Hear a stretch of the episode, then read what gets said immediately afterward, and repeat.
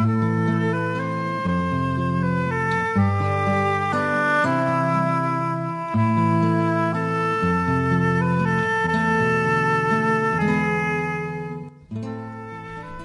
en welkom weer eens by Kortom.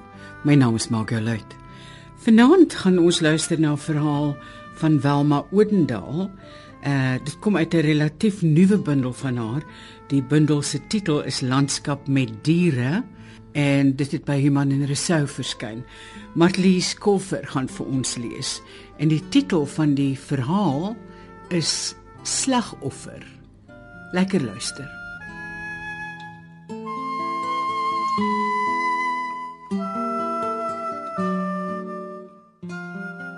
Sy lê buite onder die peperboom met die dogtertjie langs haar. Sy klem styf aan die handjie wat nou al reeds koud geword het. Kil in die snikwarm dag hier buite. 'n Bloukop koggelmander skuif nuuskierig nader en hou haar met sy spits oogies dop, doodstil. Net die flikker van sy dartelende tong wat wys dat hy nie deel is van die warm blou-swart klip waarop hy lê nie. Toe 'n man van die veld terugkom, het hy haar en die kind onder die boom gevind. Hy het gesukkel om die kind se hand uit hare los te maak. Maar uiteindelik het sy laat gaan. Mooi saam opgestaan en agter haar man wat die lyfie in sy arms gedra het, teruggestap huis toe. Die kogelman het lank reeds die hasepad gekies. Die volgende by die gedragel haar kind in 'n sagte sybok haar Charlie toegedraai en neergelê in 'n kussie van karriehout wat haar man aan mekaar getimmer het. Die hitte was te vel die tyd van die jaar in die Bosmanland en hulle kon nie wag vir 'n behoorlike begrafnis nie.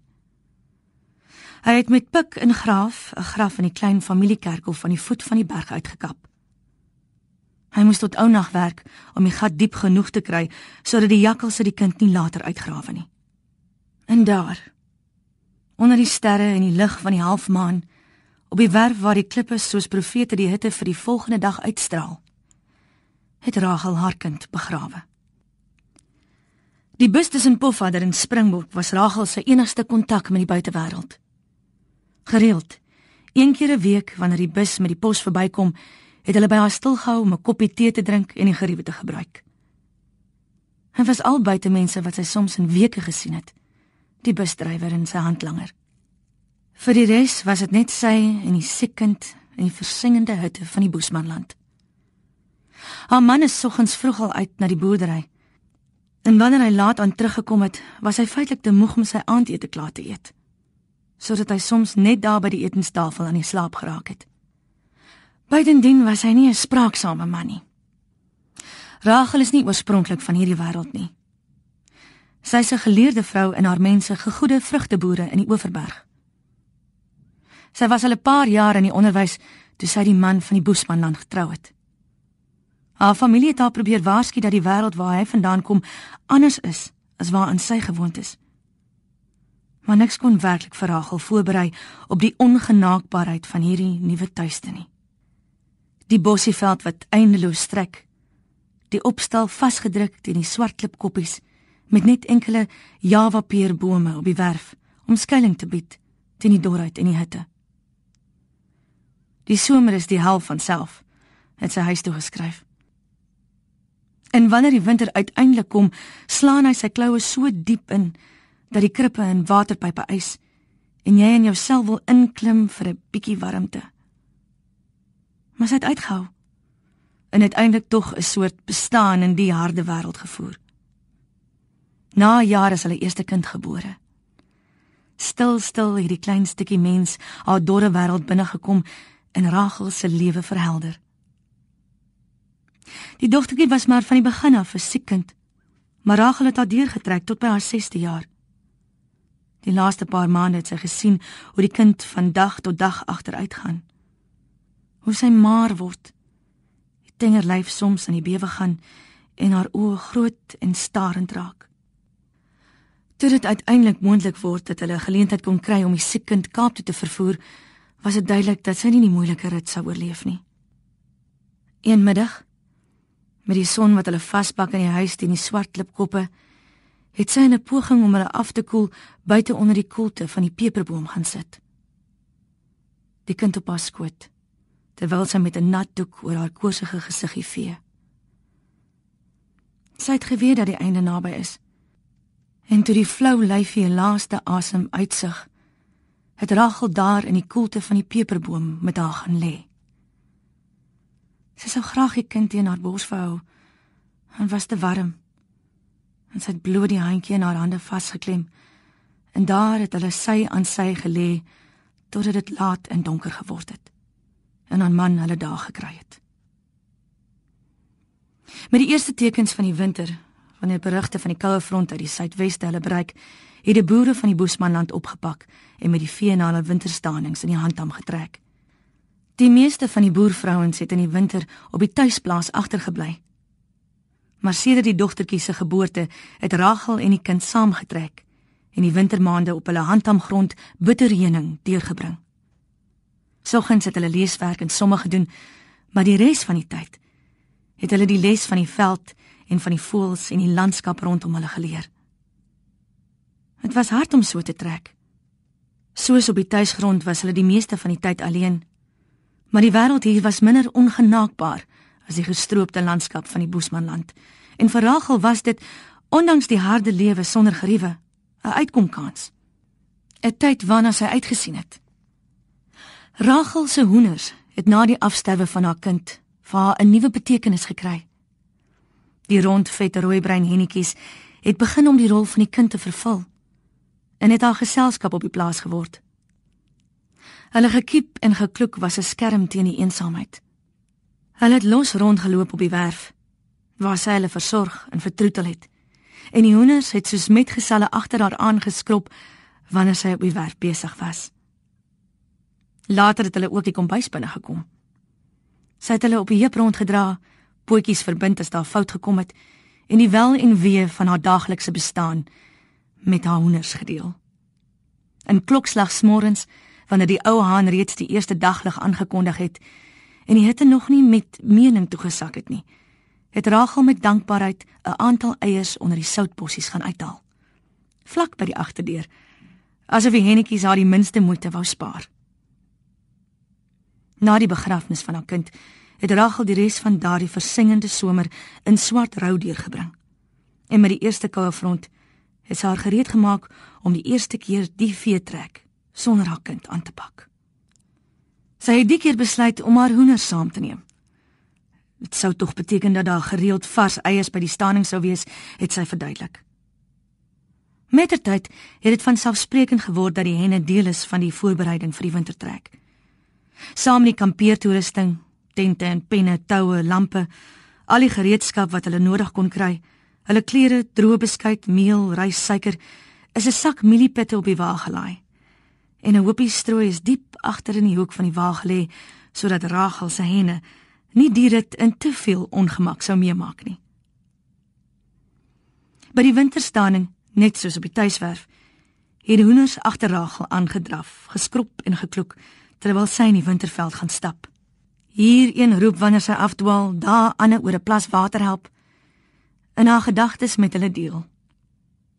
Die jaarlikse uittog na bitterheuning het weer 'n soort vertroosting en aanvaarding in haar lewe gebring.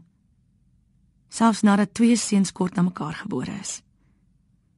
Die seuns het gou in hulle pa se voetspore getrap en is ook op vroeë ouderdom skool toe in Pofadder. Toe was dit weer maar net Rachel en die hoenders wat die tog in die wa aangepak het. Aan die einde van die lente Wanneer die veld by die staning begin kwyn en dit warm raak, het hulle opgepak en weer koers gekies om betyds te wees vir die snikhete somer op die plaaswerf teen die swart klipkoppe van die Boesmanland. Rachel het afgepak, die henne gevoer en die siklus van haar lewe voortgesit. Benewens die posbus het daar nie dikwels besoekers gekom nie. Die afgesonderheid van die plaas en gestrooptheid van die landskap het veroorsaak dat families selde kom kuier het. Die buurplase was ook ver.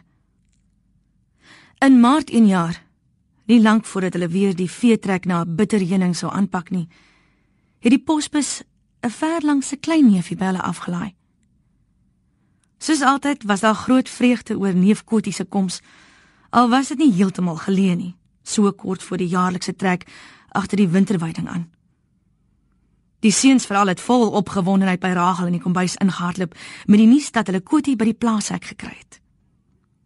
Kotie was 'n grapjas en vol pret en almal se gunsteling. Laaste hulle hom gesien het, was hy 'n jakkalsvanger iewers in die Groot Karoo. Hy het eendag met jakkalsvelle by hulle aangekom en wou hy sy moes vir hom 'n kombers maak.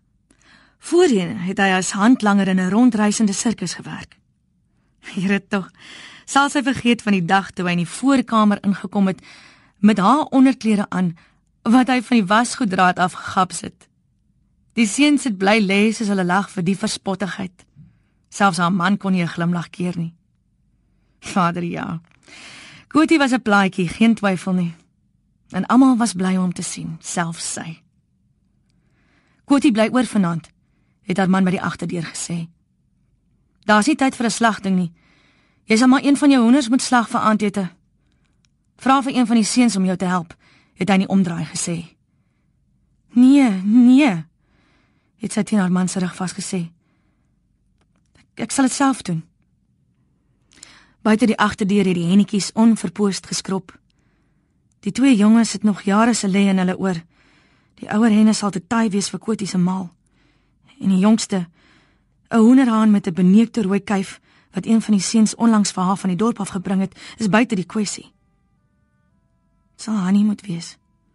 Haar middelste vetste hennetjie met die een skeel oogie en die wit op haar pens. Die beste hen onder hulle. Rachel neem die skerp byltjie en vleismes uit die spens. Stap na die agterplaas waar die henne skrop en wy en soos altyd aangeskarrel kom wanneer sy roep. Sy tel Hanni op haar heup gesels saggies met haar en loop op die werf uit, ver na die swart klippe, daar waar haar kind begrawe lê. Vroeg aand is dit warm in die kombuis waar die geur van naaltjies en braai onder die leemtes vul. Die mans en seuns is in die voorkamer. Die dowwe dreuning van hul stemme word kort kort onderbreek deur 'n harde gelag vir die kuiergas se manne waales. Rachel is besig om die bykosse te stowe toe neef Kotie by die deur kom staan. Wat is dit wat ek ruik, Taragel? Sy haal die pragtgebraaide hen, gestop met opgeknapte lewertjies en wilde salieblare uit die oond en bedryp haar met haar eie warm vet dat dit in die braaipan stoom en spat. Hy staan daar in die deur met 'n frons tussen sy oë en 'n hanglip. Sy stem nors. Is dit hoender wat tante maak? Maar tante, jy moet mos weet ek sit nie my mond aan hoendervleis nie. In die voorkamer lag haar seuns en haar man hartlik. Asof hulle nou net een van die grapjas se koslikste staaltjies onthou.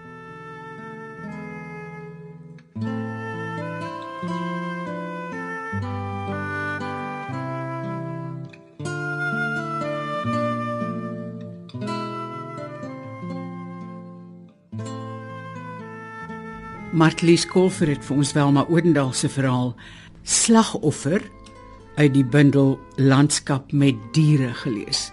Hierdie bundel is 'n publikasie van Human en Resou. Van my, Margolite, alles van die aller aller allerbeste. Tot volgende keer. Mag dit met ons almal goed gaan. Totsiens.